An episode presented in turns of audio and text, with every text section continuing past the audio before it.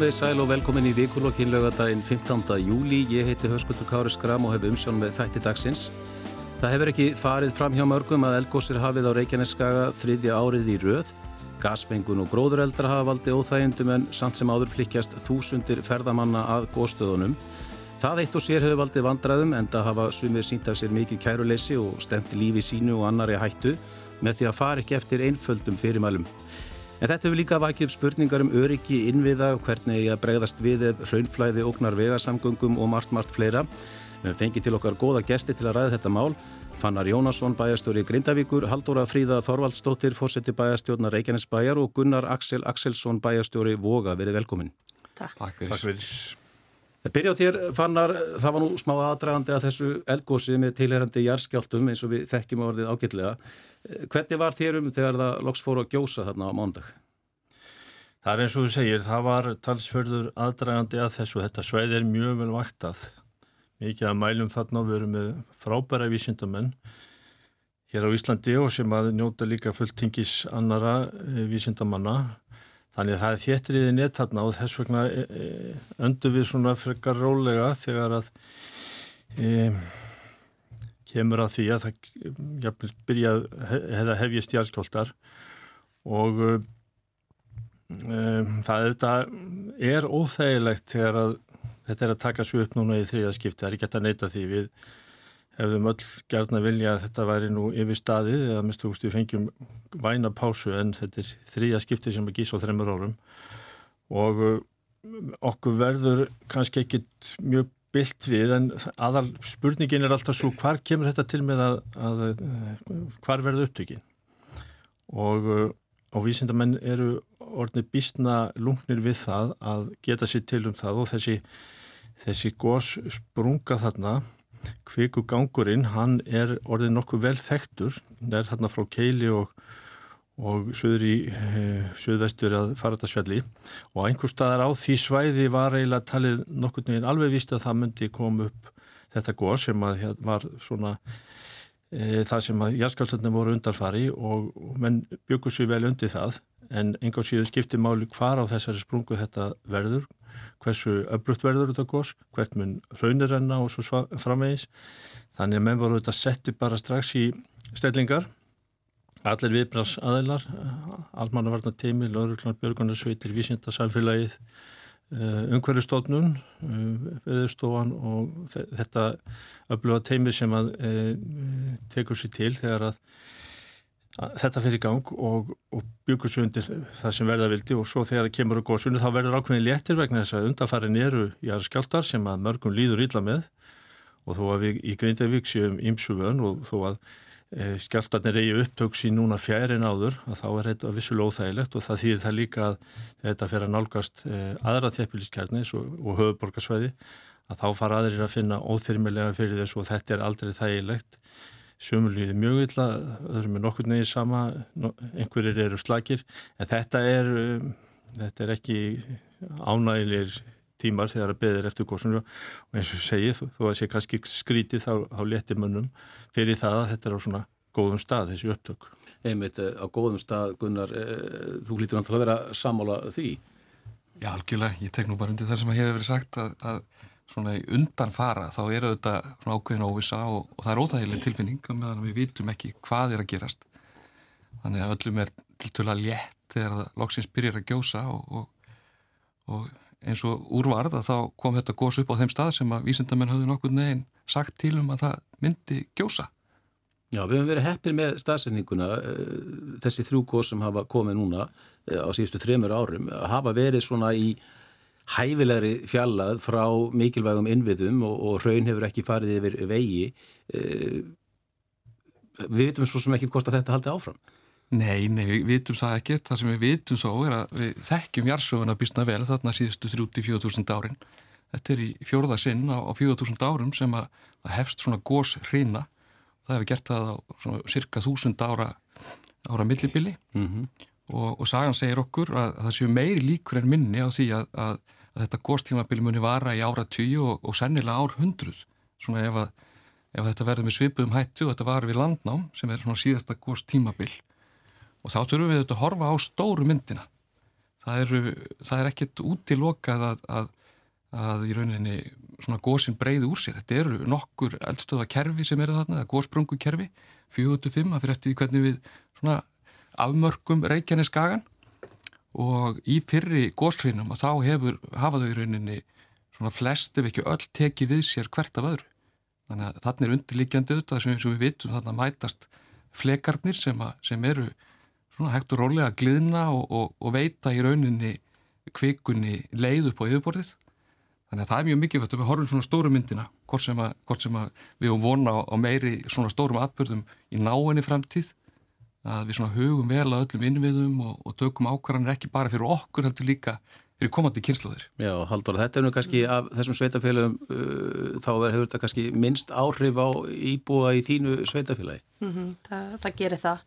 Við finnum kannski helst fyrir því svona í aðdraðandunum. Ég tek undir það sem hefur verið sagt hér og eins og fannar myndist á hérna áðan að þá er uh, aðdragandin, hann hefur verið svo sami núna í þessi skipti, þessi síðustu, þessi þrjú skipti og við finnum fyrir þessum, þessum jarskjáltum og finnum auðvitað líka uh, hérna til með nágrunum okkar sem eru nær þessu af því að við finnum aldeilis fyrir, fyrir þessari spennu og svo þegar losnar um hana þegar fyrir að gjósa þá kemur þessi léttir sem er, er ótrúlegur en en sem betur fer kemur þetta líka bara upp á þannig stað eins og hér hefur komið fram að það ógnar íbúum minna en annars ætti að vera ef það væri á, á verri stað. En við auðvitað höfum þarna þessa ákveðinu sameilu innviði sem við verðum að, að tryggja viðbráðsátlunin á utanum og þess vegna skiptir líka máli að missa ekki dampin á milli þessara gósa að það séu allir á, á tánum og við gleymum okkur ekki,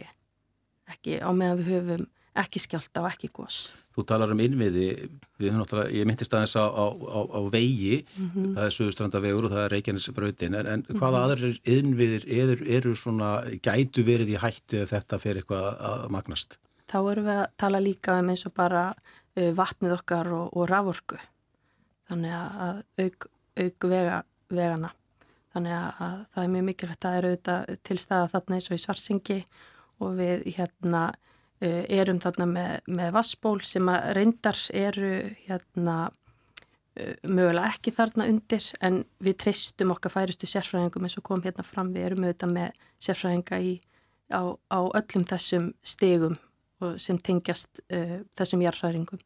Þannig að þeir hafa geta lesið sér til um og, og geta spáð fyrir um það hvernig svona framvindur og við treystum því bara að við höldum þessu samstarfi áfram. En mér langar líka að minnast Já. á það að það er ótrúlega samstaða á suðinu sem það kemur að, að, að hlutum eins og þessum.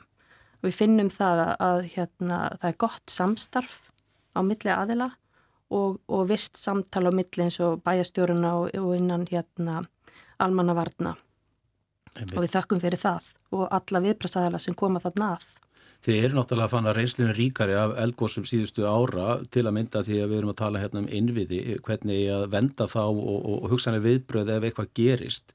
Er þið alveg búin að móta heilstæða viðbræðs áallun í svoleiðis tilvengi? Já, það verður að segja eins og er að, að slík viðbræðs áallun og rýmingar áallun eða rýmingar áallanir voru ekki mm, nægilega góðar þegar að jarðskjáltarnir byrja í janúar 2020. 21 er það ekki rétt hjá mér. 2020 byrja mikið, mikið jarðskjáltar hérna. 2007. janúar þá varum við kölluð á fund e, í skóalíðinni e, þegar að eh, komi ljós og það hefði verið mikið landiristir rétt fyrir norðan Grindavík og sem að leytið svo til mikillar jarðskjáltar hreinu og þá strax í kölvari þá var farið í að skrifa þann kapla sem lítur að eða jarðskjáltum og eldgósum sem hafi kannski ekki verið skrifaður áður við höfum náttúrulega alls konar við bara sá allir hvert sjáarflóðum og slíku en þetta þurfti að gera, hafa gengið þetta miklum krafti með e, undir fórustu almannavarnadeildar ríkislauglustjóra sem er óbúslega öflustofnun og mikið góðu fólki þar. Og þessi Þessar viðbrasáallanir okkar í Grindavík voru, voru setta saman á svona um það byrjum þremur vikum sem önjan er að tæki svona alltaf halvt ár. Við höfum haldið þessum viðbrasáallunum við síðan. E, Svo jæðskjáltar hérna, hún var e, stóði yfir með ákveðinu hljöfum nokkuð lengi og var afskaplega fór illa einmannskapinn og, og fólk, fólk í leið sumu að var illa þá til dæmis um helgar þá vildi fólk bara fara úr bænum og komast einhver staðar í bústaðið að jafnvel e, hótelgisting og svo framvegis. En, en síðan fyrir að, að, að gjósa í mars 21 og þá voru við e, það var auðvitað gripi til þessara e, viðbrasa á allana allra og undanfari þess voru líka mikla jáskjáltar hinnur þannig að við erum reynslunni ríkari. Það, það tók svona tíma einhvern veginn að stilla saman strengjana í upphafi. Um, góðsnúmið 2 sem í, byrjaði í ágústi fyrra það gekk miklu fljótar fyrir sig. En nú erum við að tala um það. Þetta er líka sami hópurinn og, og var byggðu upp viðbræðið hinn fyrir tvö skipti. Við erum að tala um það núna, það, sko, það eru sex, það er um sjötta degi frá því gósi byrjar og það er búið að gerast óbúslega mikið síðan og það er einhvern veginn, það er einhvern veginn líka orðin sko, skilningur á því meðal bara þjóðarinnar og yfirvalda ríkistjórnarinnar að við getum ekki lítið á þetta sem einhverja tilfallandi einstaka viðburði heldur verður við að líta á þetta bara sem eh, upphafa af einhverju öðru eins og hér hefur komið fram, verðum að bókur undir það. Og nú er viðbræði miklu uh, snegra og uh, landverðir eru til dæmis komni núna, nú þegar á staðin það er búið að manna slökkvilið og, og hérna eða sé sjúkra bíl og, og manna hann á staðinum það er búið auka vaktir lauruglunar þannig að við erum búin að breyðast við á þessum stuttatíma ekki viku þannig að, að þetta, er, þetta er allt saman löngu komið í gangi á okkur það er líka verið að bæta göngulegðir og það fór strax í gangi á okkur. Uh, við erum mjög ánum með það að Grindavíkubæði er trist til þess að hafa frumkvæði þessum málum öllu saman. Við fengum sem sagt í fyrra, daginn eftir gósið þá fengum við uh, erindi þess efnis frá Ríkislauglustjóra og ennbætti hans að Grindavíkubæði myndi hafa frumkvæði því að gera þær rástafanir sem að gera þyrsti.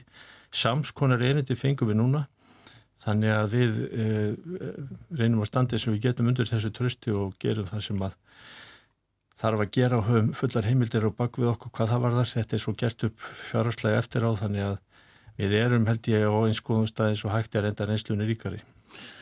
Gunnar, uh, það hefur verið talað um þessa gasmengun. Uh, við erum að horfa upp á gróðurelda á Reykjanes skaga, slökkviliðið er að reyna einhvern veginn að hefta þá.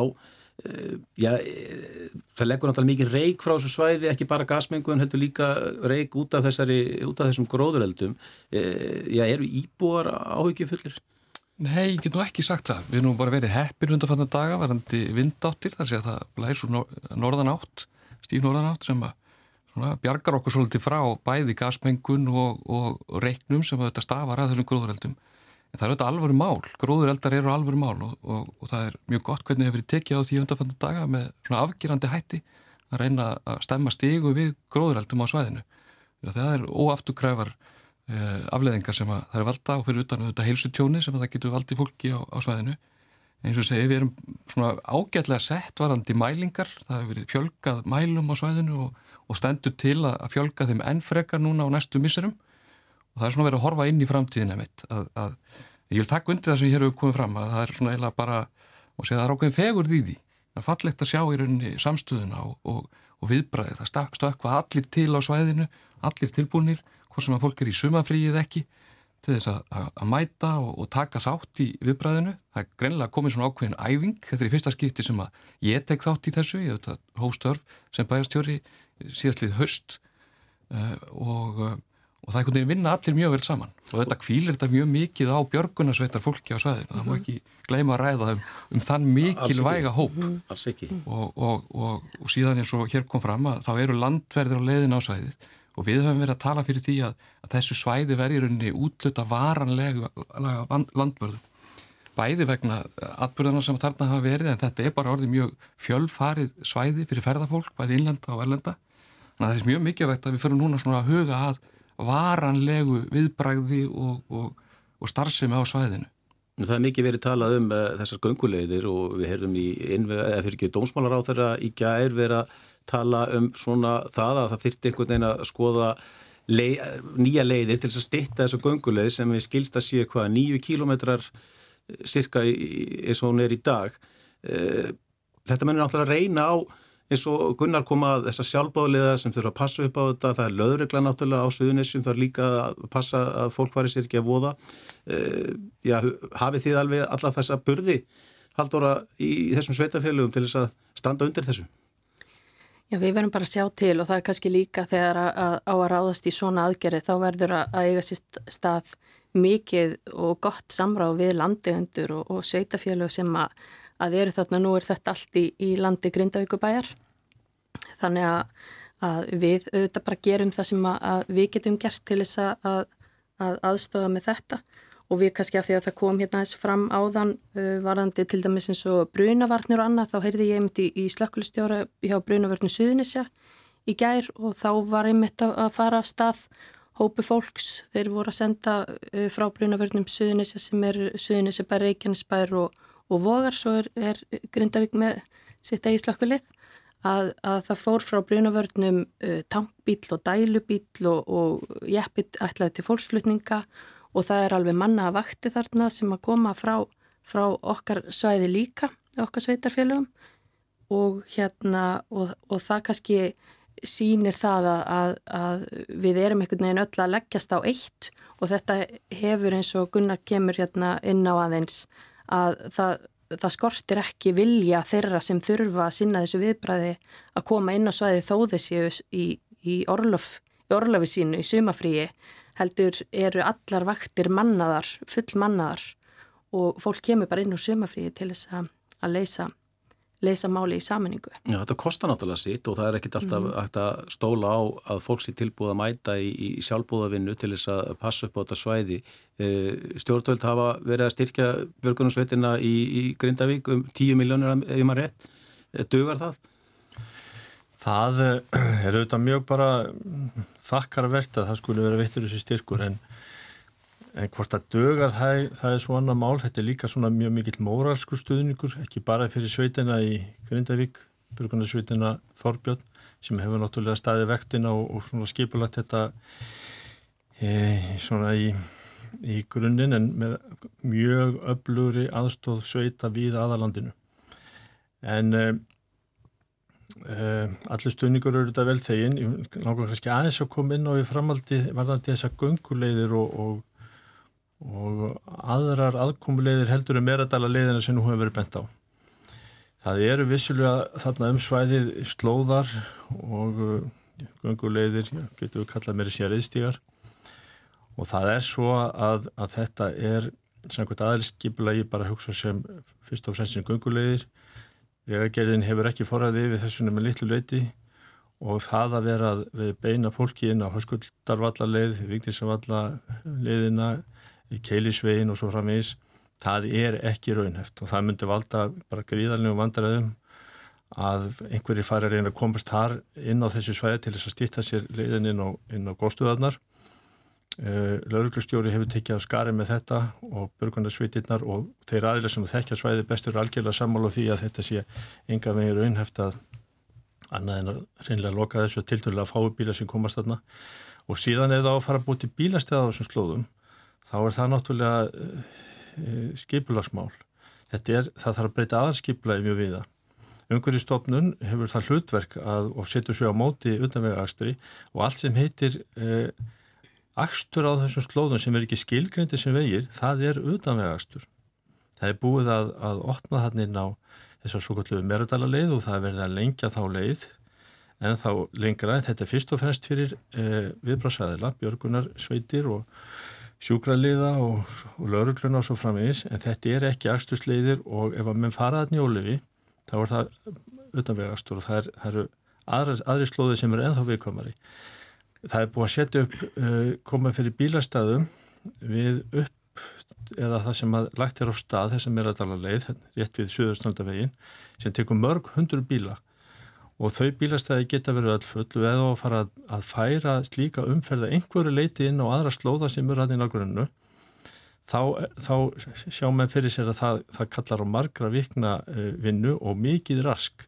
Og umhverju stofnun og umhverju sáðnitið hefur hinnlega sett sig á mótið þessu við skiljum alveg að það sé uh, mikið löngu til þess að komast inn á þetta svæði. En þetta er einhversið góðsveitar hættusvæði og ætla svo að gera þetta sem auðvildast hverju sinni með því að leipa umferð eh, til dæmis keilisvörun, hann er líka nýju kilometrar, það er einbreyður vögur það er geta mætast þar og þetta er enga land líka.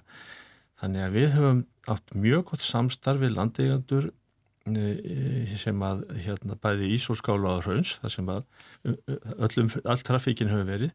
En það er meirinn að segja það að ætla að fara að útvíka slíkar leiðir og, og það, við til dæmis höfum heilt að sömstæðar ellendist þá er bara það er bara ákveðin takmörkun á því hvað margir ég að vera inn á svona svæðum. Það er bara ákveðin bílastæði fjöldi og þegar að, að bílastæði fyllast þá bara lokað. Og þá má alveg hugsa sér það bara út af því að til þess að verja hérna náttúruna og mósan sem að er nú mjög viðkvæmur að það sé ekkit endilega sjálfsagt að öllu sem dettur það í huga geta bara streymtað svona svæði uh, hvenar sem þið sínist sko, raun er vendað og sérstaklega nýrinnun raun þau eru vendu, þá má, má ekkert raska við henni um leifi og þetta þarf að vera skipulagt, þannig að við skiljum alveg og allir hafa reynd að leggja sér fram við það að, að fólk geti séð þetta mikla sjónaspil en, en viðbrasaðilar hafa reynd fyrst og fremst að huga því að öryggi þeirra sem komin á svæði sé tryggt. Og þeirra viðbrasaðilar sem þannig eru og sumir hafa sínta af sér náttúrulega slíka haugðun að það er alveg með ólíkindum og ætta svo kannski til þess eða hugsa ekki eins og út í það einhver kann að þurfa að bjarga þeim og setja sér líki hættu þannig að það eru þessi svörtu sögðir sem eru að spilla mikið fyrir öðrum. Ferðarmörnum eins og alls það er. Þannig að ég vil bara benda á það að þetta tekur langa tíma og, og skiplarsmál og það að fara að setja bílastæði er bara röskun á landi sem, að, sem er mjög hérna e, þar, þar bara mikla hérna, mikinn undirbúning. og er ekki einfalt mál. Þú semst ekkert sérstaklega hrifin af þessum hugmyndir sem hafa verið reyfaðar um að finna einhverja leiði til að stýtta ja, gunguleðina að góðstöðunum. Gunnar, tekur undir þetta? Já, þetta er náttúrulega flókið mál og, og við stuttum algjörlega þessa ákvörðun að loka höskuldavalla leiðinni. Það sé ekki skynsanlegt að, að ströymurinn sé úr mörgum áttum. Það er mjög erfitt að hafa yfirsýni yfir það. Ég fór nú þessa leiði í gerð með björgunarsveitafólki til þess að kanna aðstæður og það var talsfyrir fjöldi af ellendu ferðamörnum sem voru þarna á, á á röldinu og, og björgunarsveita fólk hafði bara í talsvert mála snúa fólki við og það var alveg ljóst að fólk var ekki þarna ásetningi að brjóta reglur. Þetta er þetta bara ellendi ferðamenn sem að hafa tagmarkaður upplýsingar, töldu sér vera í rauninni utan hættusveðis sem að þeir vissulega flestir voru en hins vegar skildu í rauninni ekki þessar aðgeri varandi lokarinnar. Þannig ég held að við svona, þurfum að hugsa það mjög vel áður en að við förum að, að eins og Fanna segir, að, að jafnveila útbúa bílastæði á viðkvæmum svæðum eins og á viktísarvöllum eða hörskuldavöllum og, og svona reyna að vera svona skinnsum í þessu og svo er þetta spurning líka hvort að það er eitthvað leita takmarka fjöldan sem að kemur hann að. Við þurfum auðvitað að ráða við verkefnið og það eru auðvitað takmarkanir á því hvað Lóregla og Björgunarsveitir og aðri viðbrastæðilar runni geta í þeim efnum.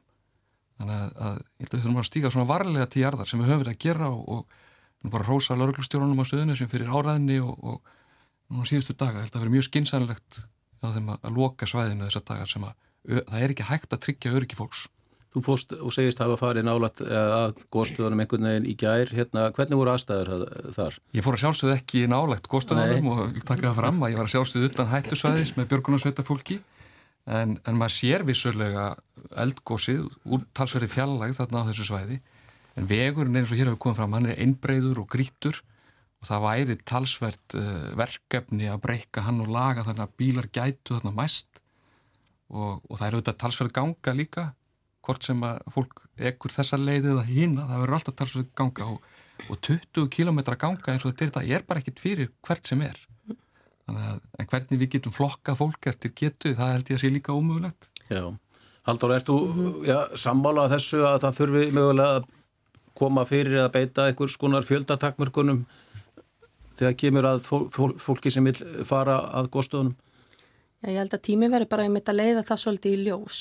Þetta eru þetta bara svona ótrúlegt eh, sjónaspil. Það er alveg eðlilegt að þetta sé mikið aðdráttarafl fyrir fólk og, og það er, ég hef heyrst það núna eins og áður að það er enkenlegt hvernig við hlaupum að gósi og viljum sjá þetta meðan að aðri kannski í öðrum löndum eru meira að reyna að flýja þau.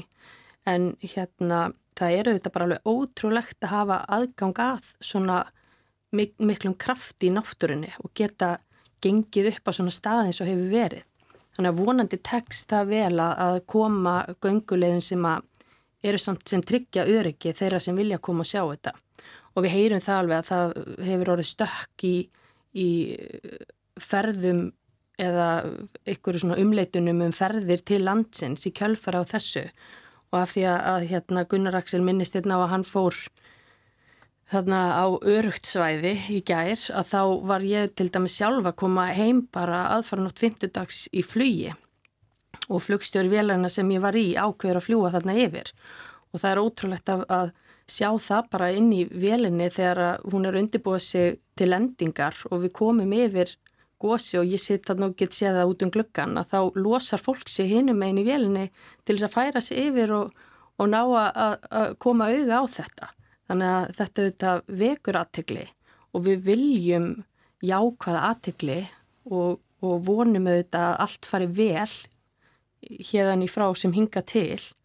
Þannig að, að já, tryggja öryggi á gunguleiðum, hvort að þurfi að takmarka fjölda, það verður bara að koma í ljós. Þetta hefur heldur betur sett eh, Reykjaneskagan á, á korti þegar kemur að ferðamennsku, því verðum við ekki neitað. Ég meitt. Sástu gósið vel úr, úr flugvillinni eða varstu hinnum einn? Já, ég var réttum einn og þurfti ekki að losa mig, þannig að ég sá það vel, já, og þetta er mjög tilkommik, eins og ég segja, sjá bara kraft náttúrunar þarna með berum augum, þannig að, að maður skilur það alveg að fólk vil koma og, og sjá þetta. Það er, það er ekki margir sem geta tikka í það bóksi, svo má segja að hafa séð lifandi mm -hmm eldgós með berum augum á æfinni.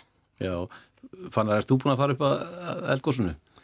Nei, ég ekki eftir að fóra að gjósa. Ég var á þessu svæði svona aður en að því kom en ég er ekki búin að fara upp úr en þá bauðstæðin, það var svona öðrum hnöpum mann heppa. Ég fór hins vegar oft upp að eldgósunum hinnum fyrir, mjög oft með börgunarsveitunum og lauruglunni en ég er ekki búin að fara og skoða þetta berum augum. En það er náttúrulega, sko, það var gert könnun núna í hvað, hvort það verið gær heyrði þetta nú bara á fundinum í morgun að það var 93% þjóðarinn sem voru sammálu því að þetta loka við þessar aðstæður eins og nú var gert. Því það voru sumi náttúrulega sem voru svektir og maður skilur það vel. Ég skil mjög vel þá sem vilja fara að skoða þetta mikla sjónaspil en e, sótvarnarleiknir stiður það að það sé ekki fólk á sveðinu og hafið þessu konu verið gerð í gerð morgun eða fyrir dag og byrt í gerð að þá var, bú, þá var fólk til dæmis ekki búið að sjá sjómasfréttinnar í gerðkvöldi á báðum stöðunum. Það sem talið er bara hryllilegt ástand og, og mengun þarna sem er hættulega, það eigi ekki vera nema með öfluga gasgrimur og svo framvegis.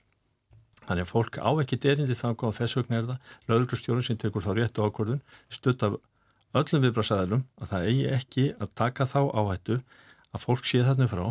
Það er ekki að tryggja öryggið þess og tala nú ekki um þegar fólk verður að klefur upp á sko raunir þar sem verður 800-1000 gráður nokkur líka við sentimetrum neðar. Hvað finnst þér um þessa, þessa hegðun sem við hefum séð í, í fréttum um þessi ljósmyndir og, og, og myndbansuptökur af fólki sem er bara að, að við raunið og jafnvel bara við góðsprunguna sjálfa. Þú sast hennar fundi í morgun þar sem ákverðum var tekinn um að, að framlengja þessari lókun sem var held ég var ekki að 50 dag sem var ákveða að loka þessu aðgengi mm -hmm. að góðstofunum hvað finnst þér um þetta fólk sem að er þetta, er, er þetta e, þannig að við erum ekki að koma skilabóðuna eða skýrum skilabóðum til ferðamanna eða hvers vegna sýnir fólk þessa miklu áhættu hegðum? Ég var að hlusta á leiðinni hingað í morgun á viðtal við einn okkar færasta vísindamann á þessu sviðu sem að kallaði þetta heimsku senlega og það er kannski orðið yfir þetta. Þetta er ekki bara glæfra hérna framkoma, þetta er bara alveg ótrúlegt að fólk skul ekki geta hlýtt fyrir mælum og það er umverulega þannig eins og líka hefur komið fram í fréttum að það er björgunarsveitamenn sem verður að mæta þarna á staðin í sjálfbóða vinnu, gefnilega komu fríum leggja sér fram við það að leifbæra fólki það er ekki hlustað á þetta fólk og það er bara vaðið inn á raunin og við þekktum þetta frá hinnum fyrir góðsum líka.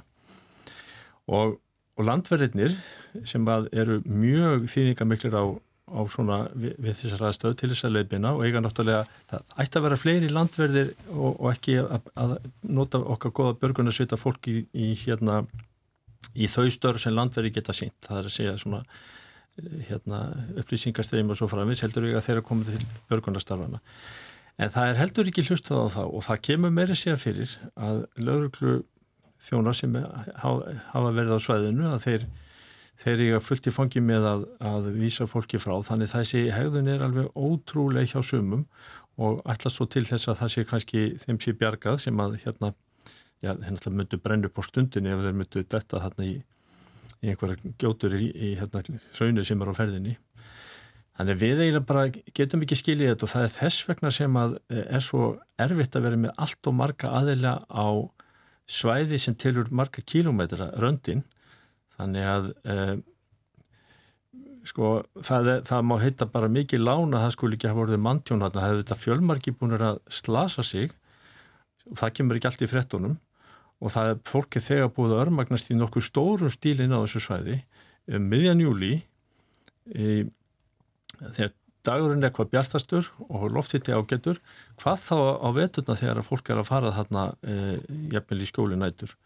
Þannig að við, við höfum þetta stórkurslega ágjur af þessu og á sama tíma og það er reynd allt til þess að, að hleypa fólki að þessu því þetta er, þetta, það, við skiljum það mjög vel og þetta er búið að hjálpa ferðarþjónustunum okkar til dæmis á COVID-tímunum eða svona upp úr því þá resti þetta verulega við hérna fjárhag bara þjóðarinnar og ferðarmennskunar en þetta er bara, það er eins og fólk líti á þetta sem um, og talandum alltaf ferðamanla hérna, túristagós, þetta fer svolítið í okkur sko, sem erum að reyna að hérna, koma því að skipulegja eitthvað skonar almanna varnir í kringum þetta það, þetta er ekki þetta grín og gaman sem að sömur einhvern veginn og léttuð sem að sömur meðallega þetta Hvað segir þú Gunnar? Ég veit ekki hvort þú hefur séð þessar myndir og þessi myndskið sem voru að byrtast af þessum eh, ferðamönnum á góðstöðunum.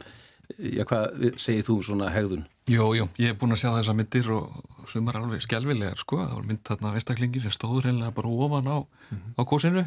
Það veit nú ekki bara hvernig þetta er hægt, sko, hvernig fólki dettur þetta í hug.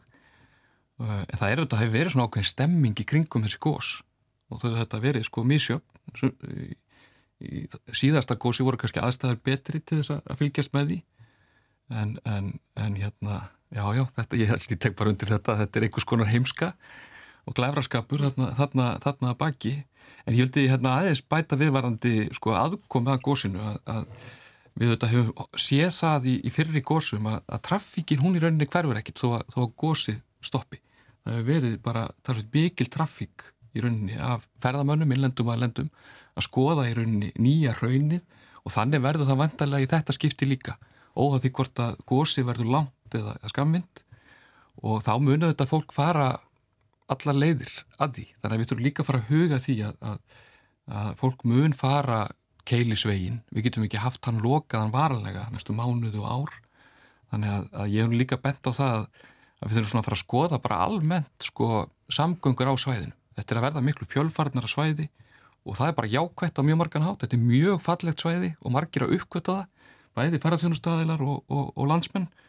Þannig að við þurfum að fara að skoða það að, að, að tryggja bæði góðar vegarsamgöngur þar sem að það á við og þetta svona bara þegar það er örugt að, að hérna, hvetja fólk til þess að fara um Reykjaneskaðan ég, hérna, þreytist ekki á að nefna það hvað þetta er fallegt svæði Einmitt aldrei, ég kannski kalla eftir viðbröðum frá þér líka mm. varðandi þessa ferðamenn sem við höfum verið að ræða. Mm -hmm.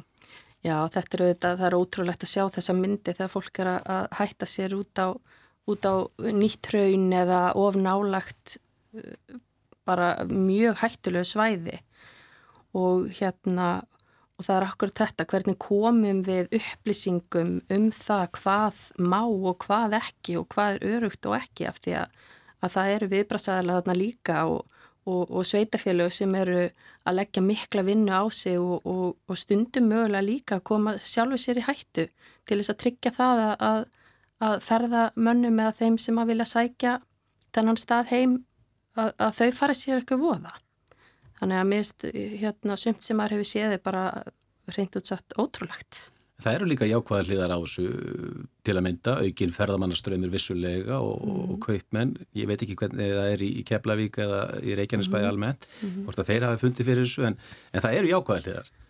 Það, það eru jákvæðar hliðar, auðvitað, það er, það er alltaf líka jákvæðar hliðar og, og það er okkur þetta að, að við erum aldilis á kortinu og, og og við kannski sjáum aukin ströym ferðamanna að skoða líka að ímsar aðrar perlur sem eru hjá okkur á skaganum er að fara hérna ringin og, og skoða flekaskilin og átta sér betur á því af hverju við stöndum frammi fyrir þessu sem við stöndum frammi fyrir í dag. Við erum land, elds og ísa. Mm -hmm. Það er bara, hérna, við, við, það er bara alveg greinilegt og, og, og við vitum það, við erum svona með eldgóð svolítið í æðum okkar. Þannig að, að við verum bara að fara vel með þetta. Já, Grindavík, Kaupin og veitingahúsa eigandur þar, þeir eru ekkit, dabirir ekkit ímynda mér. Nei, nei, þeir bara er einu kátust og eiga fullt í fongi með að þjóna verðamennunum sem að streyma til okkar og við auðvitað bara fögnum því og það eru margir jákvæðir þættir í kringum þetta. Við erum, öll sveitafjöluðin eru í eru í Jarðavangi í UNESCO vottuðum Jarðavangi, Reykjanes Geopark. Og þetta þykir alveg þykir auðvitað stór tíðindi í því samfélagi Geoparkan og hinsvísu að það skuli vera eldgós uh, í einum Jarðavanginum sem er svo aðgengilegt að allur almenningun annars getur fengið að skoða þetta. Og, og myndir af þessum viðbörðum hafa farið um allan heim og við vitum til dæmis á í háskólum og, og svona jærfræði stofnunum um heiminn þá eru uh, bara lifandi myndir upp á vegg uh, sólarhingur saman frá eldgóðsunu uh, á Reykjanesi. Og það streyma til ykkur vísindu með þannig að við erum að gera hérna góða hluti fyrir bræðið þá nótu við sem þjóð góðs að þessu líka og það er það góða af því þetta er á þessum staðin en við verum að reyna að koma því til skila að eldgós er í sjálfur sér og getur verið mjög hættulegu viðbörður og kannski vil nefna svona jarðskjáltar á eldgós sem að við þekkjum bara frá blötu paspinu, höfum allir stuffið þetta. Við búum í tryggum húsum en e, íbúar okkar af erlendum uppruna bæði Grindavík og íðar á Reykjanesinu þeir eru mjög smekir þegar að þetta kemur upp. Og uh, þeirra þekking á til dæmis jarðskjaldum er kannski gegnum uh, frettir af ræðilegum atbyrðum þar sem að múrsteins hús er að rinja, það verður að draga lemstra fólki að lík undan þessum hérna, hrúum og þau, það var eiginlega svona kom okkur einna mest á ávart og var eitt erfiðastu verkefni hjá okkur uh, þegar að jarðskjaldunni byrjuð 2020 og, og hrinutnar eftir það að um, geta samfært þetta fólk um það að það væri engin hætt á því að það myndi hrinja yfir þau. Og vegna þess að baklandi þeirra er kannski svona aðrir e, samlandar þeirra, þannig að þau mynda sér svona ákveðna skoðun sameigilega og eiga stundum bara einhvern veginn erfitt með að vilja samfærast um að vísindar með síðan að segja satt á rétt frá þó að sjöum líka með verkvæðing og aðeila sem að geta útskýrt e, börðarþór bygginga hjá okkur þá er erfitt að koma í til skila. Það er eiginlega bara varðilega einna stærsta verkefnið okkar og óvæntasta að reyna einhvern veginn að aðstóða þetta fólk og við reyndum eins og við gátum með Grindavík að koma því til skila með alls konar leiðum og kynningum og uh, svo þetta sér fólk svona smá saman því sem að missirinn og árið líða þetta er ekki eins veitilegt eins og þau heldur en þetta var stort verkefni. Já.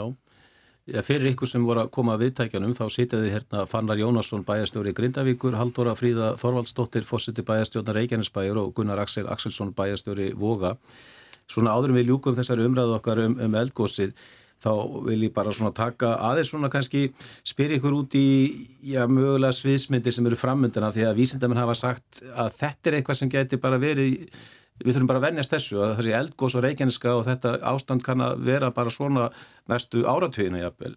Eh, Mön þetta að ykkar mati hafa mikil áhrif á samfélögin á reykjaniska getið ykkur nýjum ímyndað eða svona séð fyrir ykkur hvað, hvað áhrif þetta getið mögulega haft? Það er náttúrulega mjög erfitt að segja það á þessum tímapunkti en, en ég hef nú bara lagt áherslu það við hlustum á vísindafólkið okkar það hefur haft rétt fyrir sér hingað til og horfumst í augu við í rauninni þennan breyta veruleika sem að, sem að í rauninni við höfum horfst í augu við síðan árið 2020 þegar skjálta hreinan byrjaði og endaði síðan með eldgósum og það eins og ég kom hér inn á áðan að, að þá eru meiri líkur en minni á að í rauninni gósin breyði úr sér til annara í rauninni gósprungukerfa og það sem að vilji sko dragu upp of dökka mynd, það er líka óþarf að gera það. Mm -hmm. Þetta getur tekið sko ára tíu og árhundruð en við þurfum eins og að fara að huga að þessu málu með allt öðrum hætti heldur en við þurfum kannski að gera áður en að þetta tímabyr hófst. Huga vel að öllum innviðum eins og hér hefur komið fram. Það er nú aldrei sér rætt um, um rávorkuflutningskerfið á, Reykjanesi og vísindamenn bent á mikilvægi þess að, að það sé hugað að skipula í þeirra með tilliti til náttúruvár að, að rávorku innviði séu ekki sko lagðir hlið við hlið og frekar norðanlega á skaganum heldur en sunnan og, og við þurfum að huga að, að vatninu, bæði hittavatninu og kaldavatninu og, eh, og við þurfum auðvitað svona bara já sko, Jarlskorpan spyr ekki um sveitafélagamörk og, og það er náttúrulega umræði núni í veikunni sko, mögulega hætta á, á síðsta hluta, vestasta hluta hafnafjörðar og það er auðvitað bara staðrind að, að góðsprungukerfin að, að þau liggja óháð sveitafélagamörkum og, og þau svona íbúasvæði sem að mögulega gætu verið í hættu í svona degstu sviðsmyndum að þau eru annars vegar í hafnafjörðu og hins vegar í Grindavík. Og, og en, en sem betur fyrir að það var allt sem bendir til þess að, að það sé ekki bráðahætta. Að ef til eldgósa kemur á þessu svæðum að, að þá muni líða bísna langur tími það til að raun flæði að íbúðabigð ef það gerir það. Já, en það er... Við þurfum svona að sitja aðeins í okkur og anda í kviðin hvað varðar, varðar þessi mál en vera samt algjörlega á varbergi Já, við höfum náttúrulega verið heppin, þetta hafi ekki verið einhver eh, stór eldgóðs, þau hafa verið að koma upp eh, góðsprungunar á svæði fjærri byggð, en, en svona ástand til lengdar þar sem er uh, jarðræringar, jarðskjáltar, mm. gasmengun, mun þetta hafa áhrif á vilja fólks til þess að búa á Reykjaneska? Ég held það ekki, ég, hérna, ég myndi ekki segja það, heldur bara kannski akkur þetta að, að við tryggjum okkar varalustnir í þeim innviðum sem við höfum, höfum rætt hér. Að við séum með, með uh, viðbrasáallanir sem eru vel uppfærðar eins og, eins og er, er að gerast núna og við höldum því áfram. Ég sáum þetta í viðtali við innviðar á þeirra að hann segir að það megi búast við skýslu um náttúrufa á suðunissu núna fyrir lók sumars. Þannig að það verður áhugavert að, að lesa hana. Og síðan bara við, við treystum og tryggjum þessar varalöstnir ef til þess kemur að við þurfum að nýta þær í framhaldinu. Hvað segir þú Fannars? Já, þetta er auðvitað mjög viðegandi spurning hjá þig hvernig líta íbúatnir til framtíðarinnar en þá, ef við kíkjum nú bara aðeins aftur í 2-3 ára aftur í tíman, hvað var það Grindavík þá var það svo að sem ég heldur bara að það veri bara fólksflóttu frá Grindavík og hérna, íbúatnir myndu bara segja nú er nókomið Eh, svo var alls ekki.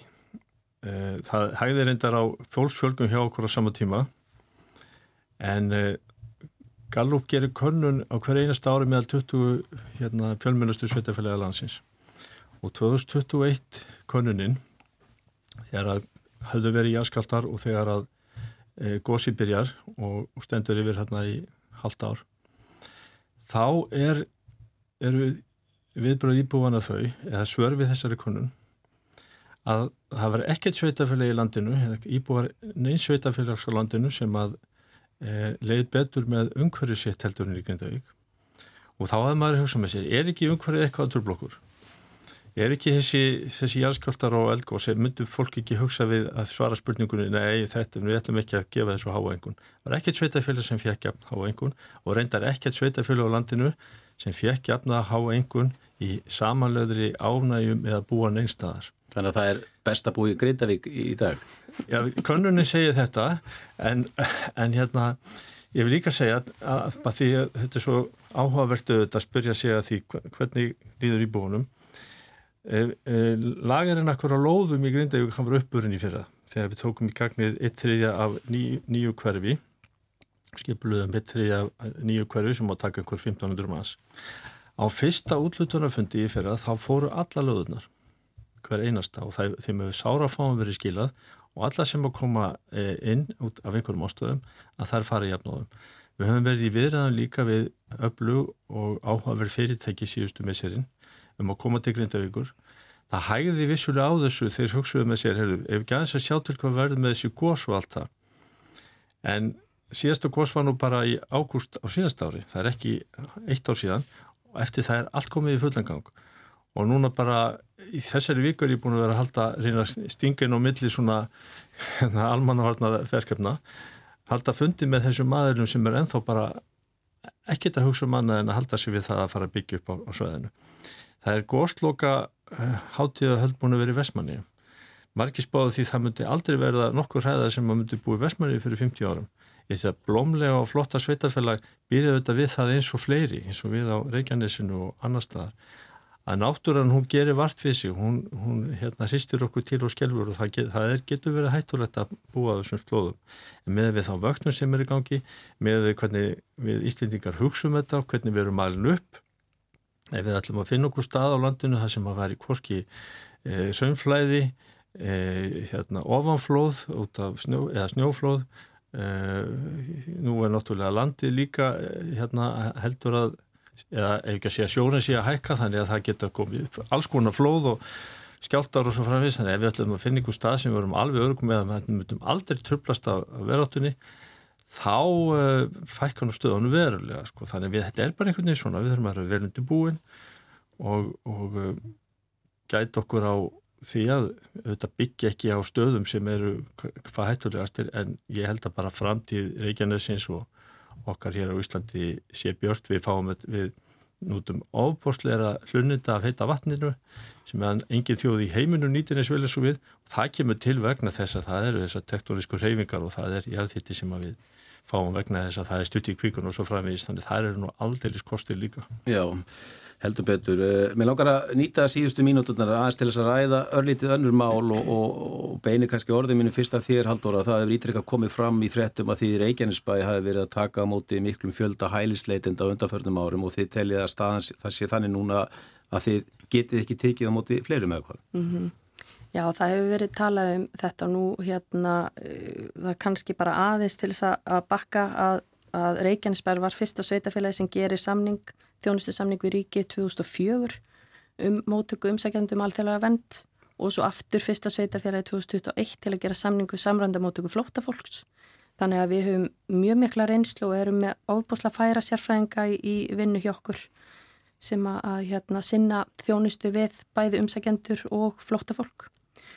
En það sem hefur verið að gerast núna er bara með, með auknum fjölda fólks að flótta í heiminum að við sjáum tölur, fjöldatölur um fólk sem aldrei fyrr sem leitar til Íslands í leitavend og það sem ríki þarf að gera því að þetta eru auðvitað málaflokkur eh, sem er í höndum ríkisins er að útvega þeim sem hinga að koma á meðan að máls, málsmeðferstendur húsnæði. Og við heyrum í öðrum fréttum það sem talaður um húsnæðiskort og, og hérna og það sem gerist er að, að í Reykjanesbæ var uh, ákveðin fjöldi húsnæðis sem að hægt var að taka á leigu og uh, ríkið í raun og veru sinnir þeirri þjónustu þannig að ríki leigir húsnæði í einu hverfi í Reykjanesbæ þar sem eru núna um það byrj 1100 manns á þeirra vegum búsettir. Við erum með okkar samninga sem við uppfyllum og viljum gera vel og viljum halda áfram að gera vel en við höfum verið að benda á það að það verði að, að útvega húsnaði í fleiri sveitafélögum til þess að, að svona stór eða mikill fjöldi sé ekki bara búsettur í einu og sama sveitarfélaginu. Hvað er þetta stórt hlutvall af íbúum Reykjanesbæðar? Þetta er mér skilsta að við séum að nálgast 5% núna af því að við erum með 70 manns í þjónustu samningi hjá okkur umsækjandur og svo þessa um það byrja 1100 þannig að, að þetta eru 1200 manns og af þeim 2000 umsækjandum sem eru stattir á landinu þannig að við erum með rúmlega helming umsækjanda í Reykjanesbæ. Og það er ekki það að, að við viljum ekki þjónusta eða, eða hafa umsækjandur í, í okkar sveitarfélag heldur snýst þetta engungu um það að, að, að dreifa aðeins betur til þess að líka bara minka álag á ákveðna innviði sveitafélagsins og, og bara að umsækjendu séu í hlutfalli við fjölda íbúa í hverju sveitafélagi fyrir sig. Já, e, þið kynntu nýlega aðgera átlun sem að mm. þið og vinnumála stofnun einmitt til þess að breyðast þessu vanda. Mm. Hefur, er hún komin í gagni þessi átlun? Hún er, er að, að, að fara að snúast núna og, og aðgera átlunin er eins og, eins og minnist á hérna, hún er í 16 liðum og snýra því að auka virkni þeirra sem eru uh, með búsett í sveitafélaginu og eru umsækjendur og líka það hvernig við tryggjum innviði að þeir standi undir þeim fjölda og svo líka að við vildum setja fram áallin um það hvernig við sjáum fyrir okkur að fækka í okkar sveitarfélagi. Hafa önnu sveitafélag á landinu, þú varst þetta með tvö önnur en, en hérna, mm -hmm. það er ekkit allt sveitafélag búin að skrifa undir það að, taka móti hælisleitendum og, og veita húsaskjól og, og, og það finnst mörgum það að vera mjög skrítið. Já, það eru, það eru mjög fá sveitarfélag sem að eru með þjónustu samning um þjónustu við umsakjendur um alþjóðlega vend. Þau eru aðeins fleiri sem að eru í samrandri móttöku flóttafólks en við sjáum fyrir okkur bara að, að við verðum að fá fleiri sveitarfélag eða, eða ríki þá að útvega húsnaði í öðrum sveitarfélagum og sinna þjónustu eins og þeir eru að gera nú þegar fyrir sína umsakjendur í öðrum sveitarfélag. Já. Þannig að þetta, þetta er, við og spár líka fyrir núna þá er gert ráð fyrir auknum strömi hinga til lands e, og það er ljósta að það er ekki til fleiri, já, pláss, meira pláss í, í Reykjanesbæði til að taka múti. Sko þarna kemur okkur að svona merkurinn málsins að það er að, að þeir aðila sem eiga húsnaði, þeim eru auðvitað frjálst að leia það húsnaði hverjum sem er. Þannig að þegar ríkiskaup auglýsa eftir húsnaði til leigu að þá getur sveitarfélaga, forsvarsmenn sveitarfélaga ekki bannað einstaklingum eða leigufélögum að leia ríkinu. En þá lendir vandin hjá ykkur eina gæslappa vandin að því þið þurfum alltaf að taka á móti þá börnum, veita þeim þjónustu og fólkinu mhm. líka, skóla og annað. Þannig að það er vissulega lendir á sveitafélaginu með einum eða öðrum hætti? Á hvern áskorum varðandi lögbund og grunnþjónustu já, en við höfum gert samninga um greiðslu sem við hérna nú heldur vinnumálastofnun utan um, um málaflokkin fyrir höndríkisins, áður var það útlendingastofnun, þeir tóku við þessu þarna uh, síðasta sömar og við höfum gert við á samninga um það að greiða fyrir eins og skólagöngu barna á grunnskóla aldri, þannig að við höfum getað sótt hann þann eh, kostnað bara eins og við erum að fá fyrir, fyrir aðra nefnendur og hérna en í þessari aðgerra þá erum við meitt að gera ráð fyrir að setja á lakirnar um 100 barn á skóla. Uh, vinnumálstofnun hefur tekið gamla officeraklubin á leigu sem er þarna bara við hlið skólan sem er stattur á, á ásprú í ásprú á hverfinu og þar eru við að setja á lakirnar skóla fyrir börn sem er að koma sem eru umsakjendur og við viljum auðvitað gera þetta vel. Við erum að gera þetta í samráði við ment- og barnamálraðunitið þannig að við erum að reyna að standa okkur eins vel og við getum og, en við þurfum bara fleiri hendur. Það, það bara það gefur auga leið Ég heyri það og tímin er að renna hérna hratt frá okkur. Við langaði að spyrja þig Gunnar varandi Suðunisalínu 2, ég veit að það tengist ekki neitt þessu sem við vorum að ræða hérna núna áðan en hérna en teikist kannski pinguliti eldgóðsunu að við vorum að tala um innviði. Eh, þessari áratuga löngu deilu lögum daginn þegar þið náðu lóksins samkommulagi við landsnett eh, þið vildið hafa Suðunlisa línu 2 í jörðu en yfirstöðum að svo að hún verður í, á yfirborðinu en Suðunlisa lína 1 fyrir jörðu Já, það var niðurstöðan sem var bara ágættis niðurstöða held ég fyrir báða aðila og tekur að vissuleiti mið af breyttum aðstæðum. Það hefur dýmislegt gerst frá því að landsnett lagði fram umsóknum framkvæmdaleifi árið 2020 eins og hér kom fram að þá var Jörg byrjuð að titra á Reykjanesi í rauninni umsóknarferlinu og vísindamenn hafðu þetta bent á það fyrr að það væri kannski svona ráð að skoða aðrar leiðir í lagningu nýra línu sem áður þetta að vera örgislína ef að maður horfið þannig á málinn að, að það séu tvær línur sem liggja til og frá þessu svæði bæði til þess að auka afkastagetuna og svo líka til þess að tryggja betra afhendingaröryggi. Og þetta var niðurstaðan, meðan annars vegna þess að það er gríðarlega mikil uppbygging í vógum. Við finnum ekki fyrir því að fólk hafi ekki áhuga að flytja þanga vegna, vegna jarðskjálta eða eldgósa. Þetta móti það er íbúin fjölgaðum með 6% sem að afir þessu ári sem er mjög mikil fjölgun og, og mörg fyrirtæki sem vilja staðsetjast því þarna. En akkur var svona mikilvægt fyrir ykkur að þetta er því lagt í jörðu en ekki, mætti ekki verið íðborðin? Sko það hefur alltaf verið sama sjóna með uppi, ekki bara hjá sveitafélaginu vógum, hendur líka fleiri sveitafélagum að svona takmarka áhrif þessara línulagna ásýnd svæðisins. Þetta er alltjóðlega vottaður jarðvangur sem að, að ellendi ferðamenn fara allir um og, og, og það skiptir auðvitað bara máli að, að svona, menn svona setja ykkur staðar uh, stopp á uppbyggingu slíkra mannverkir sem hafa vissulega mikil áhrif á ásýnd og umhverfi. það hefur svona verið megið sjóna með alltaf.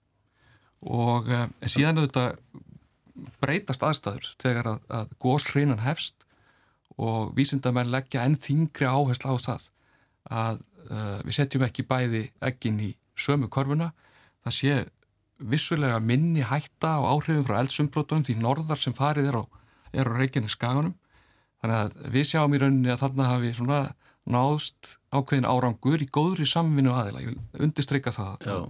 að aðilar ákváðu það á einhverjum tíum punkti að, að það var ekki hægt að, að, að stöðva þetta verkefni lengur tímamóta samlingur sem að tryggir þá betur raforku öryggi fyrir ekki bara íbúa í vógum heldur öllur Reykjanesi? Öllur Reykjanesi að sjálfsögðu og, og þetta líka öðrum landsmönu vegna þess að það er talsverð raforku framlýsla á Reykjanesi þannig að ramag, ramagni fer ekki bara í eina átt. Eitt að lokum svona að því að tímin er bara búin, eh, hvað er svona framöndan hjá okkur með helgina haldura?